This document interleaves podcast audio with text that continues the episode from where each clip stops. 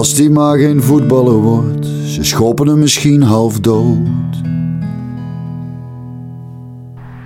18 november 1989. Een bekende Italiaanse voetballer stapt uit zijn witte Maserati en werpt zich voor de wielen van een vrachtwagen. Hij is op slag dood. Zelfmoord is het verdict van politie en carabinieri.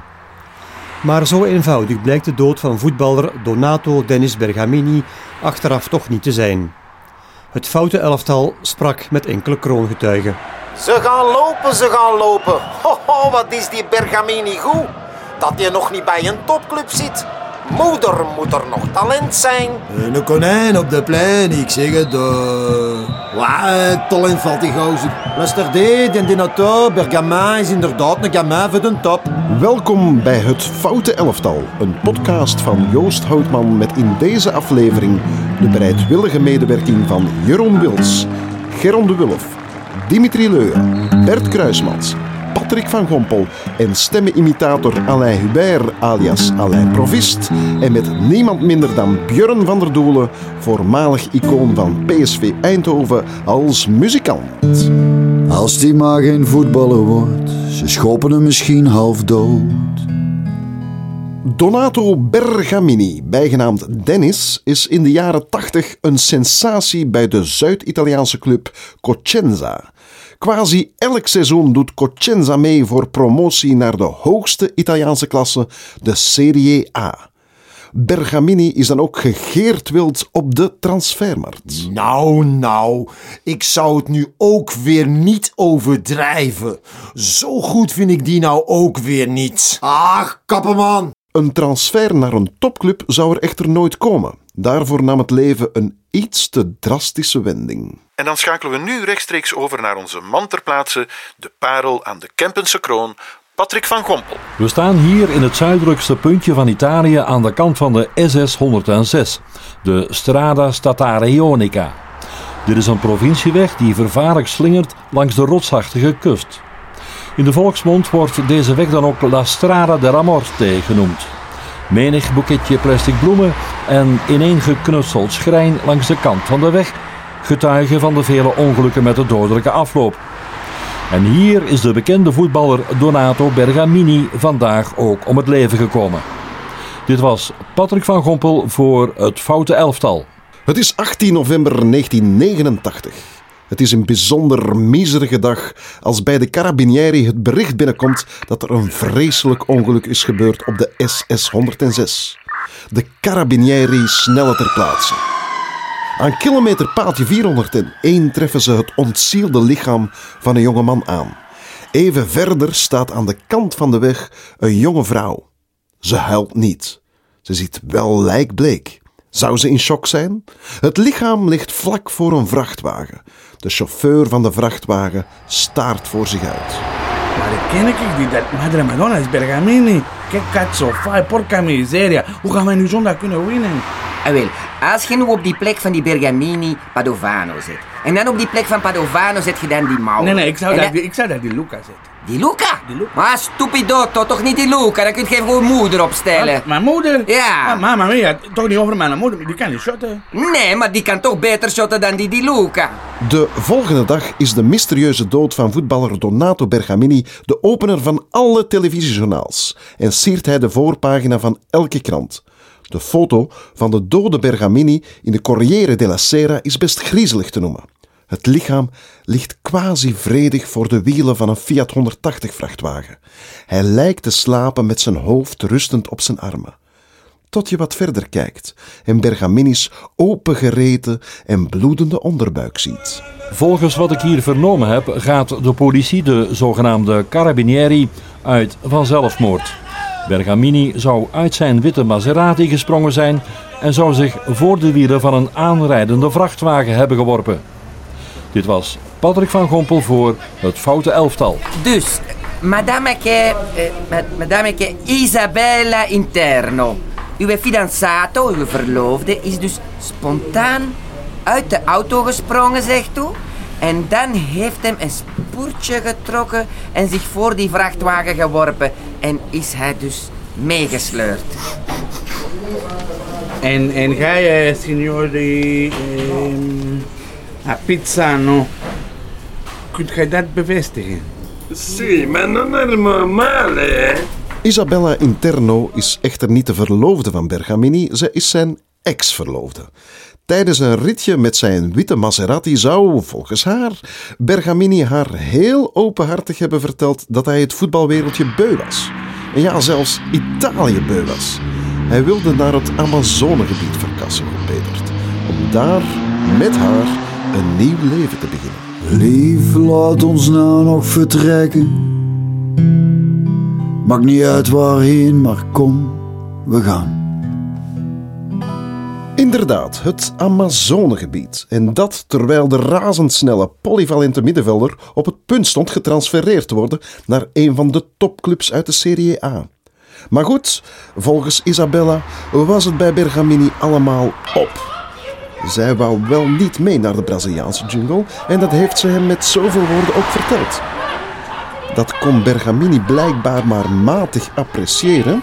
En toen moet hij dus, nog altijd volgens Isabella, in de verte een vrachtwagen vol mandarijnen hebben zien aanrijden en... Dat gelooft nu toch werkelijk niemand. gozer, kan je nou die smikkel van jou houden? In een bijzonder emotioneel interview verklaarde Isabella dat het laatste wat Bergamini zou geroepen hebben volgende kreet was. Ik laat je mijn hart, maar niet mijn lichaam. Maar dat gelooft nu toch werkelijk niemand. De dood wordt als zelfmoord gekwalificeerd, hoewel sporenonderzoek bewijst dat de vrachtwagen amper 30 km per uur kon gereden hebben. Enkele onderzoeksjournalisten, waaronder Carlo Petrini, werpen zich op de zaak. En al snel dist deze Petrini enkele smeuïge details op. Signore Petrini, wat hebt u zoal ontdekt? Wel, inderdaad, het is duidelijk dat Il Calciatore Suicidato, de gezelfmoorde voetballer, want zo noem ik hem, betrokken was bij illegale voetbalgokpraktijken, het zogenaamde calcio commesse. Hij zou dus gegokt hebben op eigen wedstrijden en vervolgens, hoe zal ik het zeggen, niet zo heel hard zijn best hebben gedaan. Maar let op, ook bij drugshandel was meneer betrokken omdat hij uit dit foute milieu wou stappen, is, althans volgens wat ik heb vernomen, Bergamini vervolgens vermoord. Niet geheel toevallig trouwens, als ik het zo mag zeggen. Enkele jaren later vliegt Bergamini's beste vriend en toenmalige ploeggenoot, Michele Padovano, in de cel, veroordeeld voor net die twee praktijken: drugs en illegale gokpraktijken. Het verhaal wordt nog beter als diezelfde Padovano aan het praten gaat tegen de onderzoeksrechter. Bergamini heeft helemaal nooit iets met drugs te maken gehad, zo beweert Padovano. Nee, het is de familie van ex-verloofde Isabella Interno die achter de moord zit. Got a black magic woman. Got a black magic woman. Got a black magic woman. Got me so blind I can see. That she's a black magic woman. Trying to make a devil out of me. Isabella Interno zou zwanger zijn geraakt net op het punt dat Bergamini de verloving wou verbreken. In plaats van te trouwen, besluit het tweetal tot een abortus in een kliniek in Engeland. In het diepe, oerconservatieve zuiden van Italië kan men daar echter niet om lachen. Zeg me dat het niet zo is. Zeg me dat het niet zo is. Zeg me dat het niet waar is. Zeg me dat het niet zo is. Zeg me dat het niet zo is. Zeg me dat het niet waar is. Nieuw onderzoek lijkt Michele Padovano gelijk te geven. Medische specialisten kwamen daarbij tot de conclusie dat Bergamini voor zijn dood eerst moet zijn gemarteld en dat zijn lichaam daarna op de SS-106 is gedumpt, om vervolgens overreden te worden. De verwondingen aan Bergamini's onderbuik en intieme delen zouden kunnen duiden op een vorm van eerwraak. Of zoals de plaatselijke krant Il Quotidiano della Calabria het omschrijft. Hier, Salvatore, luister. Weet je wat ze hier in die gazette schrijven over de verwondingen van onze chatter? Ah, die, die we daar op die asfalt gevonden. Ja. Die met die witte Maserati. Ja, juist. Ik lees voor. De verminking waarbij de penis en de testikels worden weggesneden heeft een symbolische betekenis. Deze vorm van castratie is bedoeld om iemand te laten boeten voor seksuele misdragingen en om de buitenwereld duidelijk te maken wie de dader is. Oh la la la la, amai. Dat is wel, wel... Amai. Dan wou die geen zelfmoord plegen, die wou die camion verkrachten. Ah ja, waarschijnlijk wel, want die, die camion heeft dan juist die testikels en die penis eraf gereden. Ah, goed gereden. Dat is knap, hè? Of knappe grote ballen. Oh ja, maar kan ook geweest dat die hele grote Grote penis... bal, en- ja, waarschijnlijk. Ah ja, maar het moet niet makkelijk zijn. Niet makkelijk.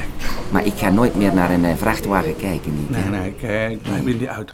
Een kleine dertig jaar later weet men nog altijd niet wat er nu echt is gebeurd.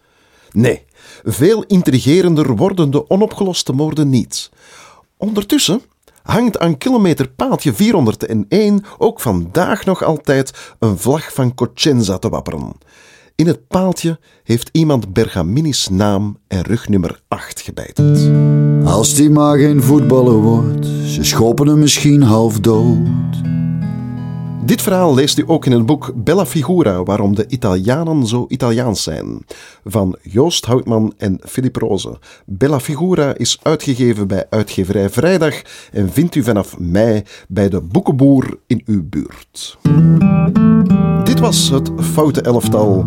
Niets fouts aan deze podcast, behalve de makers ervan misschien. Mijn naam is Joost Houtman en de man achter de knoppen is Kevin Kools. Het productiehuis is New Impact. In de andere afleveringen van deze podcast hoort u het verhaal van de Italiaanse international die op het hoogtepunt van zijn carrière doodgeschoten werd.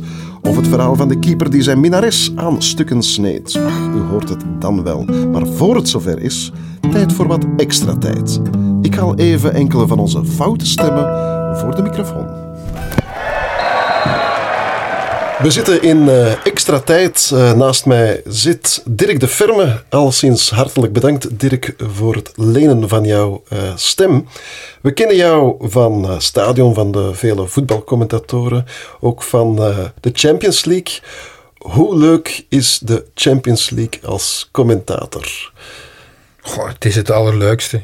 Het is het allermooiste voetbal. Dat is het belangrijkste. Je komt in de, in de grote en de mooiste voetbalsteden. In de mooiste stadions. Die allemaal vol zitten. En eh, ja, de omstandigheden om te werken zijn ook bijzonder luxueus in vergelijking met, eh, met noem maar op. Omdat alles zo goed geregeld is. Zoals je dat ook aan dat hele voetbal, aan die hele competitie ziet. Klopt alles van de eerste tot de laatste. En hoe dicht kom je dan bij de echte wereldtoppers? Of, of, of worden die heel hard afgeschermd nog? Nee, maar als, je- als je, als je ze van heel dichtbij wil zien, bijna wil, eh, wil aanraken, want het zou eigenlijk theoretisch wel kunnen. Je kan er heel dichtbij geraken bij de opwarming. Je kan in de spelerstunnel geraken, je kan in de mixed zone geraken. Dus je kan echt op eh, zeg maar adem- en blaasafstand van Lionel Messi gaan staan. Dat kan. De ultieme jongensdroom. Eh, maar wat ik mij dan afvraag, hoe gaat dat praktisch? Hoeveel tijd op voorhand moet je daar zijn? Hoe, hoeveel vlieg je af op zo'n Champions League week? Wij doen nu meestal één wedstrijd op locatie per week. En dat betekent dat we de dag van de wedstrijd 's ochtends vrij vroeg vertrekken. En dan de volgende dag terugvliegen. Ah ja, oké. Zeg, en als je puur professioneel eh, naar voetbal kijkt, kan, je dan, kan de privépersoon Dirk de Firme dan ook nog eens buiten de uren om van voetbal genieten? Of... Oh, zeker. zeker hè. Je, doet natuurlijk niet, niet alle wedstrijden van de Champions League. Dus die andere dag, daar probeer ik er minstens eentje, Eentje live van te zien. ja, van dan kies ik à la carte. hè. Ja. En ben jij zelf een supporter van een, van een specifieke club of, eh, of van sp- eh, specifieke spelers? Wow, er zijn veel spelers waar ik, eh, waar ik een, een, een heel dikke boon voor heb. Hè. Ehm, ik hoef mij maar tot een aantal Belgen te beperken en je hebt meteen al een groot stuk van de wereldtop mee. Eh, Hazard, eh, De Bruyne, Mertens zijn voorbije seizoen vond ik fenomenaal. En, en ik denk dat Romelu Lukaku echt een hele grote spits in wording is. Hij wordt echt, en, en dat is ook een idool van hem vanaf de start ongeveer. Hij wordt echt denk ik wel iemand met de killer capaciteiten en ook de leiderscapaciteiten van Didier Drogba. Ja. Waar hij dan ook nog mee heeft samengespeeld. Ja, tegen kort, hè. bij, bij Chelsea. Ja, ja. Zeg, wie was jouw jeugdidool? Mijn jeugdidool, goh, die moet ik eigenlijk eh, of gaan zoeken bij, bij Beringen. hè. Een toenmalige eerste en tweede klasse. Het was een mijnploeg en een liftploeg, want ze gingen regelmatig heen en weer. En ja, Wilfried van Moer heeft daar zijn comeback gemaakt. En eh, ja, daar was ik idolaat eh, fan van. Ja. En klopt het verhaal dat Van Moer ooit eens is opgeroepen voor de nationale ploeg terwijl hij in derde klasse Ja, speelde? nee, hij zat toen eh, bij Beringen. Hè. Toen is hij teruggehaald. Hè. Eh, Rick de Sadeleer had gezegd tegen Guy Thijs, ga toch eens een paar keer meer naar Beringen kijken. Hè. Er zitten daar een Echte aantal toppers. toppers. En de allergrootste, misschien wel aller tijden van het Belgische voetbal zit daar ook. Ja. En ehm, heb je zelf voetbal gespeeld in de, in, in, de jeugd? Ik heb eh, in de jeugd voetbal gespeeld tot ongeveer mijn achttiende. Bij een ploeg die toen SK Kermt heette. En die is later ge- gefuseerd met eh, Sporting Hasselt. Eh, met het geld van Kermt, want Hasselt was eh failliet.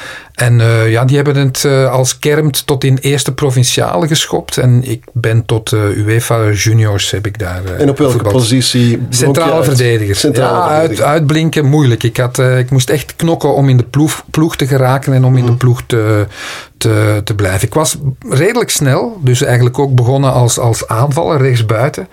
En dan ja, op basis van dat die andere gasten, de concurrenten, dat die dan toch net dat tikkeltje beter waren, ja, dan, dan zak je een aantal rijen terug. Hè. En toen was ik een grote jongen, dat ben ik nu niet meer. En daarom, eh, ik kon goed koppen.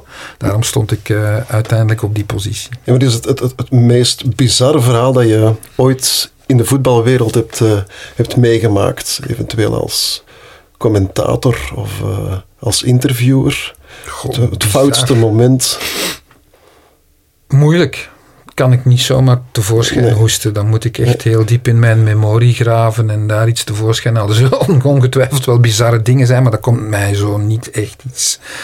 Ja, je komt op sommige momenten eh, eh, heel onverwacht in de lift te staan met Gert Muller bijvoorbeeld. Dat, is, dat snijdt me de adem af, echt waar. Eh, het De iconische Duitse topscorer. En het was, het, was het, het was in Milaan, het was het pre-selfie-tijdperk. Dus anders had ik er zeker één gemaakt. Dat zijn dingen die ik niet zou laten liggen. Met de, met de jongere spelers doe ik het echt niet. Maar met die, die groten van vroeger wil ik graag op de foto. Ja. Oké, hartelijk bedankt Dirk. Dit was Extra Tijd.